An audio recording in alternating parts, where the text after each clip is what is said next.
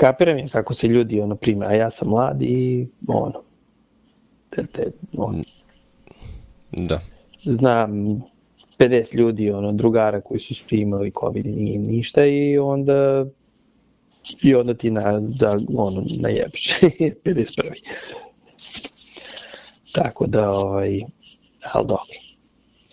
A, ali uglavnom ono zašto se nismo čuli je zato što ovaj, um, pošto smo se preselili iz um, Mastertona u Wellington, a Mastertonska kuća je bila ovaj, kompletno nameštena mm. kad smo došli iz Amerike, onda, ovaj, onda smo dolazili ovde, okon zatvoren, nešelju nam nameštaj i ono spavamo u kamp opremi, ono, znači nisam znao ništa, gde mi je šta.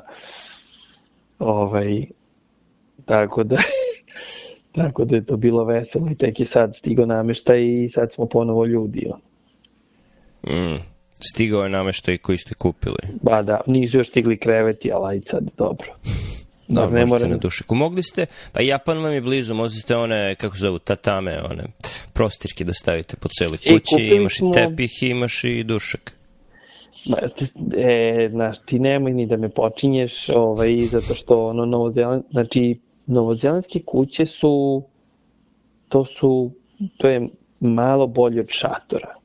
Malo bolje od šatora mislim, bukvalno uzmem, lepim, lepim ovaj uh, prozore selotejpom, jer kroz kuću duva kao kroz štalu. A mm. evo ovo gde se ja sad nalazim se verovatno prode za milion, ali samo tako. Pa, uh, Vuče, ne kupuješ kuću, kupuješ pa to parče zemlje, a s obzirom da, da je ostrovo u pitanju i da ga ne prave više i da niste holandjani da uzimate zemlju od mora, zemlja je sve skuplja i skuplja.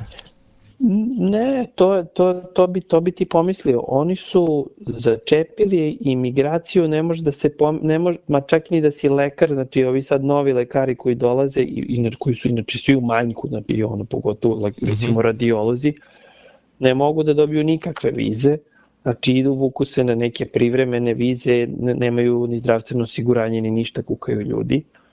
Uh, ova zemlja ima 4 miliona ljudi, znači ono kad sam radio neku statistiku za, za, ovaj, za bolnicu i kad sam ono napravio mapu gustine naseljenosti, pa to je smešno, to su tačkice, razumeš ti, ti rekao, čekaj da vidim kakav je New York ili DC, znaš, ono sve svetli, ono, okreniš Novi Zeland, nema ništa, nema nikoga. Nema nikoga. Ima ovaca, zar ne? Da, ima ovaca. E. Znači, oni su napravili neki, uh, ne, neki, neki uh, ono, self-expanding bubble um, i, i valjda ne, ne, znam, ne znam zašto, ali oni sami napumpavaju cene. Ti imaš ono kuća koja je bila koja je bila recimo a, 200.000 što da kažeš, ajde, možda bi dao 200.000 kad bi imao, sad košta recimo posle 5 godina, 5 do 10 godina košta 1000, milion i 200. Bukvalno milion, milion i 200. Znači, ja taj, takav rast cena nisam nigde video. Bez ikakve ono i, i čak su čak su čak više kao stranac ne možeš da dođeš ni da kupiš kuću, znači nije sad ono kao došli Kinezi pa kupuju, kupuju, kupuju pa dižu cenu, ne, to više ne može ono ali su dovoljno to radili da prilično sam siguran da na Novi Zeland ima isti problem kao New York, Washington, gde go, gomila velikih kuća stoji prazna jer su A to da, da, da. kineski milijarderi, ruski oligarsi i bogataši iz Amerike pokupovali nekretnine kao investiciju a, a, a ne koriste. Ne, ne, pa to od, bili smo ono, u par Airbnb-eva u Oaklandu i shvatiš da je ceo soliter prazan. Pa da. Mislim, to je ono... Daj. Ovde je, ovde je slična situacija, ovde Bezosova kuća je uglavnom prazna. Mislim, Bezos ovde. Bezos zvanično živi u Vašingtonu već, ne znam, 4-5 godina, možda i više. Ali mu se ta kuća koja je inače bila muzej industrije na S ulici više, ne znam da li si bio, da li znaš gde je. U S ulici ima onaj park malo veći, ali preko puta parka, pored kuće Woodrowa Wilsona, slepljena na kuću Woodrowa Wilsona je Bezosova kuća.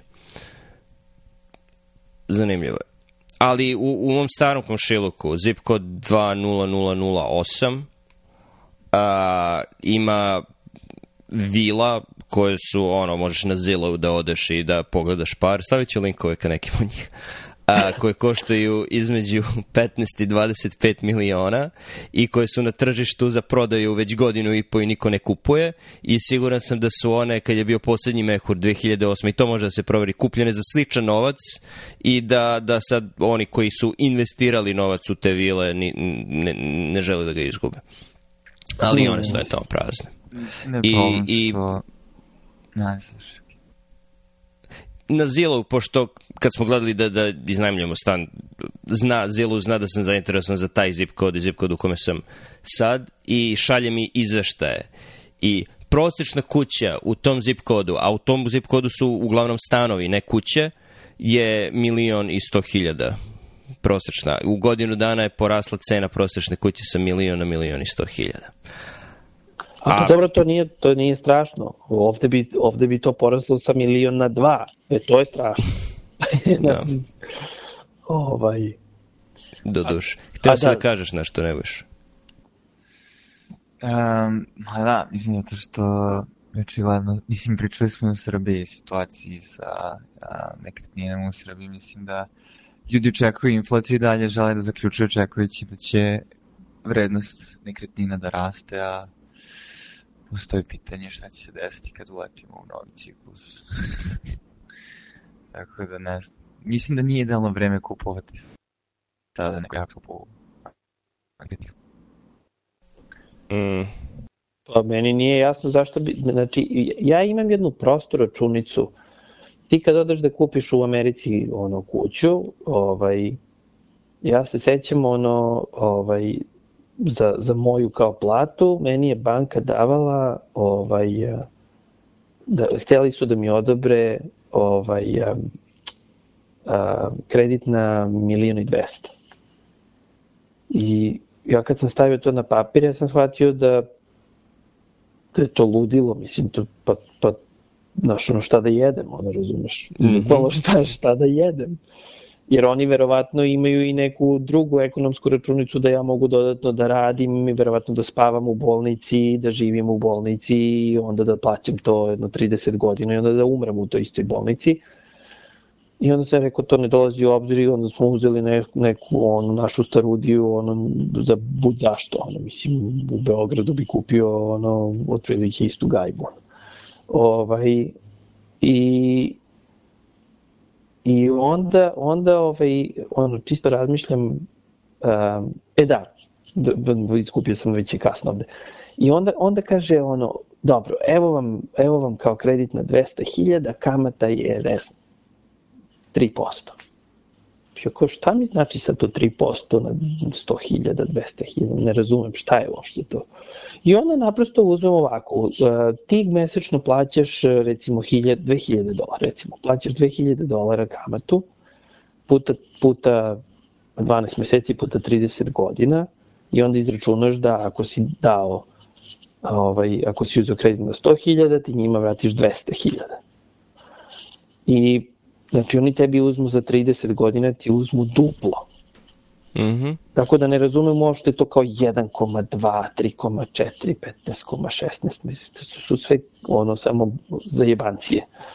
Ti meni uzmeš duplo i ako bi uzeo, ako bi uzeo ovaj, e, ako bi obrnuo logiku, zarađivo pare, e, recimo 1000 dolara mesečno renta u gajbu, 1000 dolara mesečno stavljao u, u neku ovaj, e, na berzu i imao, i imao godišnji, godišnji ovaj, e, prinos od 10 do 12%, što je istorijski u poslednjih 30 godina tako, čak i sa svim padovima berzi, ti bi onda sa nekih 70 godina se penzionisao i mogu bi da kupiš istu tu kuću i da ti niko ne uzme nikakve pare.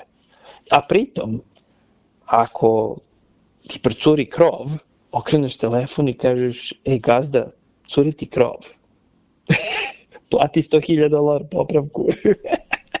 to je velika prednost iznajmljivanja koju ljudi zanemaruju. Da da, da ne moraš uopšte da razmišljaš o troškovima održavanja, Upravo. ne moraš da razmišljaš o porezu i ne moraš, da, ne moraš toliko da razmišljaš ako ti se uh, ludi komši ili komšenica useli tri stana niže, da, da li moraš da ostaješ u tom stanu zato što ga posjeduješ, a ne možeš samo da digneš sidro i da se premestiš i kažeš doviđenja.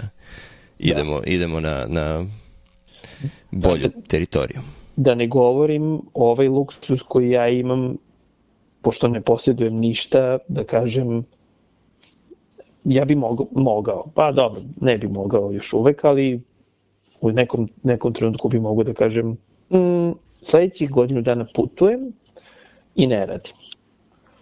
E, to je redko, redko ko može da priušti to da kaže sled godinu dana putujem o čemu pričaš, pa ko će da plaća ovo i ono. I, znaš, mm. imao sam nekog drugara koji je ovaj, dugovo medicinskoj školi 250.000, kupio je kuću za 800.000 uh, i onda je renovirao za još 800.000 i sad to ako neko iz, neko iz Srbije sluša kao jo, ovi su milioneri, ma nisu nikakvi milioneri, oni su se zadužili, taj tip se praktično zadužio 2 miliona dolara, on duguje 2 miliona dolara Mm -hmm. I onda kad sam se ja pokupio i ostavio sve i otišao na Novi Zeland, on me gleda, ono kao, ja, brate, kako bi ja volao to da uradim, ali eto, zajebao se. Lekari ovde u Americi su naročito podložni tome, jer oni, prvi, prvi korak u to su im zaduženja za, za školovanje, i oni su već u dugovima, ako osim ako im nisu roditelji platili, 50 100 hiljada za college i još 150, 200, 250 hiljada za medicinu, pa. pošto je to odvojeno. I oni već kad počnu da rade i primaju minimalnu zaradu kao specializanti, koliko je to sad, 50 hiljada, 60 hiljada godišnje, oni su već u dugovima u proseku 300 hiljada. Tako da razmišljaju, ok, pa šta mi je da uđem u još jedan dug za auto, u još jedan dug za stan, naročito što ono, ono što je velika razlika, mislim, između, između Amerike definitivno, možda i Zapadne Evrope, mada nisam toliko siguran, i Srbije, je što ovde ljudi razmišljaju po principu koliko mogu da priušti mesečno, a ne po principu koliko će to mene u stvari da košta. Mm -hmm. Tako da oni kad ti prezentuju ovde ta, tu, taj kredit od 300.000, 400.000 sa još 300.000 kamate na 30 godina, oni ne kažu platit ćeš 700.000 da bi posjedovao nešto što sada možda, možda i ne vredi 300.000, oni to prezentuju kao ovo košta samo 2.500 mesečno. Da, da. Možete da priuštite 2.500 da, da. mesečno, zar ne? Upravo to. I, I tako ljudi lepo uđu u točkić održavanja mesečnih dugova i kada uđu u točkić moraju da trče sve brže i brže. Ono što je problem je što tom labavom politikom davanja kredita svakome e, banke pumpaju cenu nekretnina jer stavljaju pare u optice za kupovinu nekretnina koje inače ne bi bile u opticaju i to je delimično i razlog zašto su i ovde nekretnine i ovde na Novom Zelandu prenaduvane jer su ljudima dostupne tuđe pare koje će ono, vraćati ceo svoj život i vraćati, vraćati duplo, ali su im dostupne i onda mogu da kupe uh, kuću od milion plaćajući 3000 mesečno. Pa znaš šta, druga stvar je što ono, ljudi se naviknu na luksuz i onda, onda kad se navikneš na luksuz, onda je vrlo, vrlo bolno ovaj, živeti jeftinije i to sam lično osetio ovde na Novom Zelandu gde kažem ti, znači, ga, znači moja, moja gajba na Kanarevom brdu u odnosu na ono gajbe na Novom Zelandu je vila. Ono, mm. topla, izolovana, zvučno i vetrovito ovaj, i tako dalje i tako dalje. Ono, pa vrati se u Srbiju, Vuče, vrati se u Srbiju. Ne, ne bi, ne bi. ovaj, um, ali i, i no, no, kapiram, kapiram kako ljudi, ono, kako, e, da, drugo, druga, druga stvar koja sam razmišljao o tome je ono kao to je jedan od uzroka, ako možda ne i glavni uzrok, zašto ono 600 Znači, mislim da je 600 ovaj, lekara godišnje u Americi skoči kroz prozor. Ovaj, tako da ono, uvek, uvek se setim one, one slike iz, iz onog našeg filma Rane, ono, kad, kad, ovaj, kad Miki Manojlović se ovaj, ode u WC i onda mu pukne onaj e, vodokotlić, ako se sećate, padne mu na glavu, slomi WC šolju i padne mu pištolj u ruke, pošto ga je sakrio negde kod vodokotlića i onda krene vodokotlić 100 miliona, uh, ovo je 300 miliona za tri meseca ako budem radio 24 sata kenjeću kod čovek i uzmi i ubije se. To je otprilike, to je otprilike ovaj, šta se njima desi. Dobro, ali koji je upside lekara u Srbiji? To je, to je, mislim da je samo isto dijapazon mnogo širi što se tiče ishoda. Tako da treba da obratiš pažnji na drugu stranu te distribucije. Da, i što ovde lekar može bez problema, koliko god bio dobar ili loš u svom poslu, ili dobro ili loša, možeš da imaš ono normalan život, nećeš gladovati, imaćeš gdje da živiš, znaš, nije, nije, nije problem. Problem je što ljudi misle, naročito oni koji su dali 300.000 za školovanje, ok, sad sam lekar, treba da budem član ovog društva, onog društva, treba da živim u ovom komšiluku, treba da imam kuću sa ovoliko spavaćih soba i auto koji je ove starosti i tako uđeš u točkić i to je pitanje prohteva. Ali ima, ima gomila lekara koji nisu takvi, ima gomila lekara koji, ne znam, ži, žive, žive skromno. Evo, Nebojša i ja smo free. da, bo... Kaži. U skladu sa mogućnostima i troškovima života u, u gradu u kojem žive. Da, Washington je najgori grad za život za lekare u, u odnosu uh, onoga koliko lekari zarađuju i troškova života. Opet zato što je jedan od onih gde dosta ljudi ulaže novac u nekretnine u kojima ne živi, tako da ako želiš da kupiš nešto, uh, nećeš moći da kupiš u gradu uglavnom, osim ako nisu neke smešno visoke pare, velike pare i a, a pošto žele lekari da žive ovde, uglavnom su ono, supružnik je advokat koji mora da radi u DC-u, tako da taj lekar mora da radi u DC-u i onda ima dosta lekara u odnosu na broj stanovnika, tako da, da ni, ni plate nisu toliko visoke. Kao što su, na primjer, u Oklahoma, Nevadi, Alabami i ostalim lepšim krajevima Amerike živeći, živeći sada u ovom u, u, u, u socijalističkom režimu ovaj, uvijek se setim mog eh, drugara sa studija ovaj, dragog eh, Marka Bukurova ovaj, ne znam ako nas bude slušao ne verujem da nas sluša ali ovaj, još na studijama pa Buk je, je ono treća, četvrta generacija ono lekara u porodici. I ovaj i onda mi on kaže ovaj još na studijama kao pa on lekari treba da u, ono, u fazonu ne treba da razmišljaju o financijskim u financijskoj, u idealnom svetu ne bi trebalo da razmišljaju o financijskoj situaciji, nego da se posvete svom poslu, ne da razmišljaju, znaš, to nije posao koji je za pare, to je jednostavno posao koji je, to nije posao uopšte, da se razumemo, to je naprosto, to radiš zato što je to to. Ovaj, Nije posao, nego poziv je obično da, fraza da, koju ljudi da. koriste. Da, calling, da. Ovaj, I to je, to je tačno, ali mislim da, bi, mislim da bi lekari trebalo da naprosto imaju sve obezbeđeno i da se bez razmišljanja uh, skromno, ali sve obezbeđeno i da se bez razmišljanja bave tom profesijom bez da ono, razmišljaju svoje egzistencije. Od svih zemalja, ujedinite se, Ne, apsolutno. Stajte vi. Apsolutno. Ne, pa zamisli ti sad dođeš kod nekog lekara i kreneš da go, ono, znaš, ko, ono, krene reanimacija, on pre toga nije spavao 5 dana zato što ima, zato što duguje, ono, 2 miliona i onda je morao da radi 14 dana za redom, ono.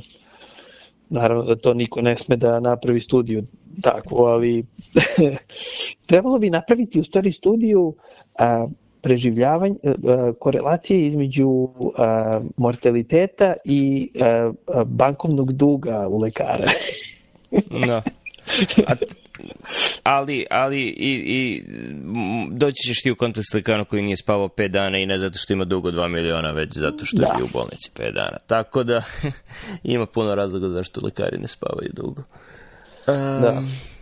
I zašto je, mislim, financijski moment je sigurno bitan, drugi moment je, mogu da pretpostavim, depersonalizacija koju ti kao lekar u Americi možeš da imaš, naročito, naročito ako a medicina generalno bira ljude koji su skloni empatiji dobro, oni koji nisu idu, idu u hirurge, e, koji su skloni empatiji i on, povezuju se sa ljudima i, i e, emotivni su i onda dođeš u sistem koji gde je lekar, ono, mislim, peta, šesta, sedma stvar na listi prioriteta. E, bitni su administratori, ovi, čak i čistačice su bitnije, da li će neko na vreme očistiti sobu od pacijenta koji ima osidiv, da bi došao novi pacijent, da bi bolnica bila na optimalnih 80% kapaciteta da bi svi bili srećni, jer ako, su, jer ako je previše kreveta prazno nije dobro, ako je bolnica prepuna nije dobro, mora biti tačno tamo gde treba, inače ćeš dobiti uh, u staro vreme papirnih kartona dobit ćeš uh, žutu belešku u kartonu pacijenta koja te pita zašto ovaj pacijent još uvek ovde ili da li ovaj pacijent mora da bude otpušten danas. Uh, to su bili metodi komunikacije administratora sa lekarima u, u Sajnaju pre deset godina. Pa ne znam, ono, ovaj, to nije tako ovde, ovde, ovde i dalje i dalje lekar i lekar lekar i lekar i ono, ono ne, nema zebancije, ono. Ovaj, administratori nisu bog zna koliko plaćeni i ja sam opušteno mogu da sednem ono ispred svog CEO-a i da je natrkeljišem zato što nemam ultrazvuk, zašto nije radio ultrazvuk i zašto nemam ono radiologiju na vreme i najozbiljnije. Znači napisao sam onda da nismo imali nismo imali ovaj dermatologiju pokriće zato što nisu platili napišem pismo i ono izujem, izujem ih iz. Znači to nešto tako ne bi moglo da se desi u Americi, ja tako ne bi moglo da pričam sa CEO-om bilo koje bolnice jer bi me izbacili. Sigurno bi me izbacili za takav ton bi me izbacili. Ovaj, zato što je to neki naduvani multimilioner koji ima ono, milion, dva miliona godišnje za ne znam koji razlog, ali ajde. Ovaj, da, ali dobro, to su sad, to su sad škakljive teme.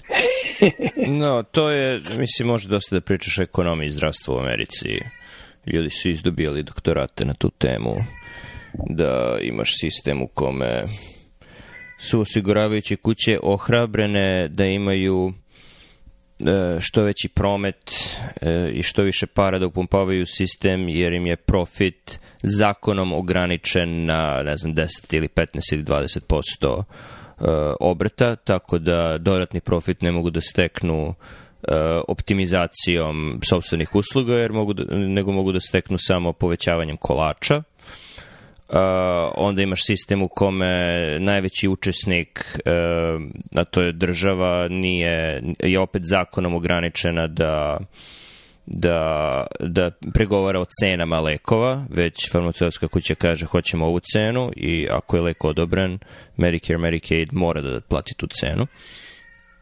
I onda imaš uh, sistem u kome većina učesnika uh, koji su krajnji korisnici tog sistema, a to su lekari i pacijenti, pojma nemaju koje su, koji su stvarni troškovi i kako ide obrt tih para, a zbog ova dva prethodna faktora ogromne su pare u igri, tako da imaš gomilu trećih, petih, sedmih strana koje manipulišu tim novcem i, i koji koji čine taj kolač još većim i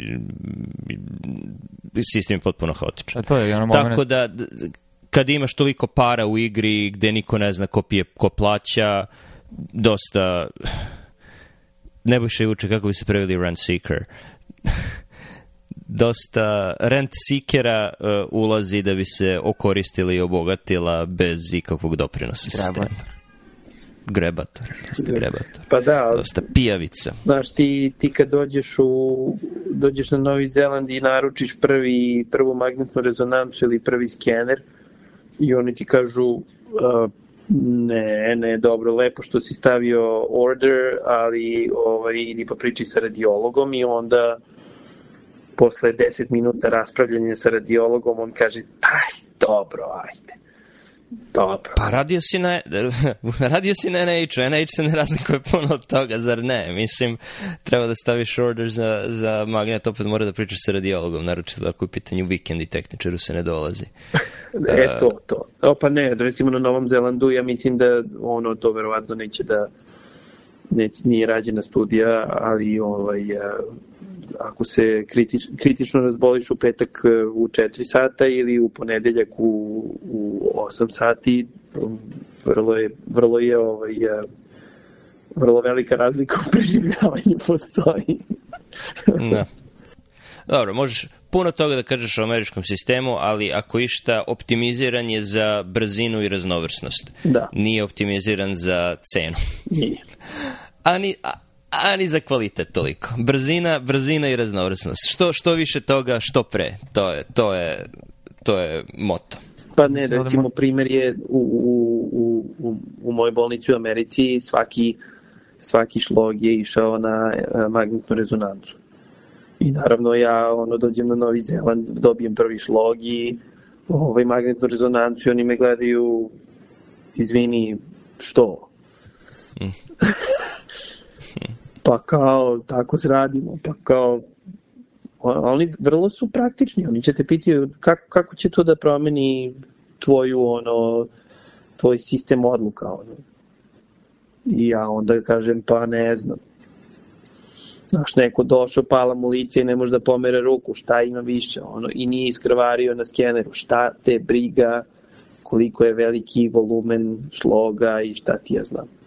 Pa, mislim, možeš uvek da kažeš dobro je da pacijent zna, jer ako se ispostavi da ima gomilu mikrošlogova zbog nekontrolisane hipertenzije u poslednjih 15-20 godina, više će povesti račun o tom ako mu kažeš, e, mozak ti je 20% manji zato što si imao gomilu šlogova u poslednjih 10 godina, nego da kažeš, eto, desilo se, ne znamo zašto se desilo. Znaš, tako, tako, uvek, uvek možeš da napraviš taj argument, da je više informacija o uzrocima dobro, Sa druge strane, ako si novozelanđani, možeš da napraviš argument da, ali onda nađeš još pet stvari koje nisi planirao da nađeš i nisi želeo da vidiš i možda ima neku malu aneurizmu koja ne bi pravila nikakav problem i ne bismo ni znali o njoj, ali sada si u obavezi da zoveš neurohirurga ako ništa drugo trošiš njihovo vreme, možda će to i da dovede do neke procedure i ko zna čega, ili vidi se neka meningokela koja opet ne pravi simptome i pacijent ne bi ni znao o njoj, a sada mu stvara anksioznost jer ima nešto u glavi što mu raste u lobanji, tako da možeš da napraviš argumente sa ove strane.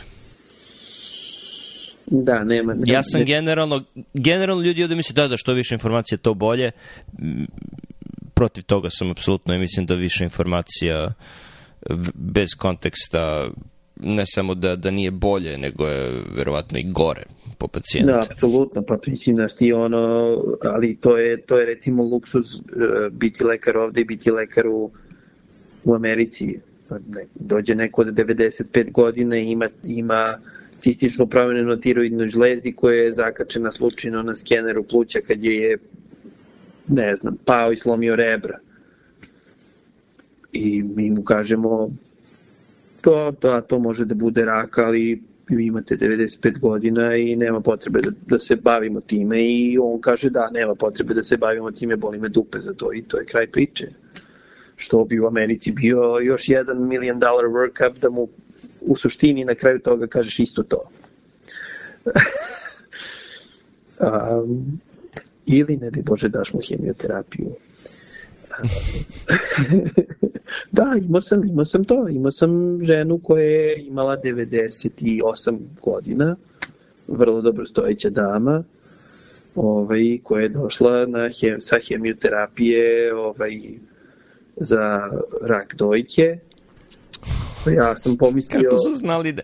Nemoj mi reći da su znali da ima rak doki zato što je imala mamogram sad. Ono, Nemam pojma, ne, ne sjećam se tačno i onda sam ja pomislio, ma rekao, čekaj, ovo mora da je neka greška, čovjek je žena je 98 godina, kako može da primi to neku subdozu, ono, znači, ono i okrenem, okrenem ovaj onkologa privatnog i on mrtav uvređen mi kaže pa naravno da je ovaj da je lečimo i ja kažem dobro doviđenja.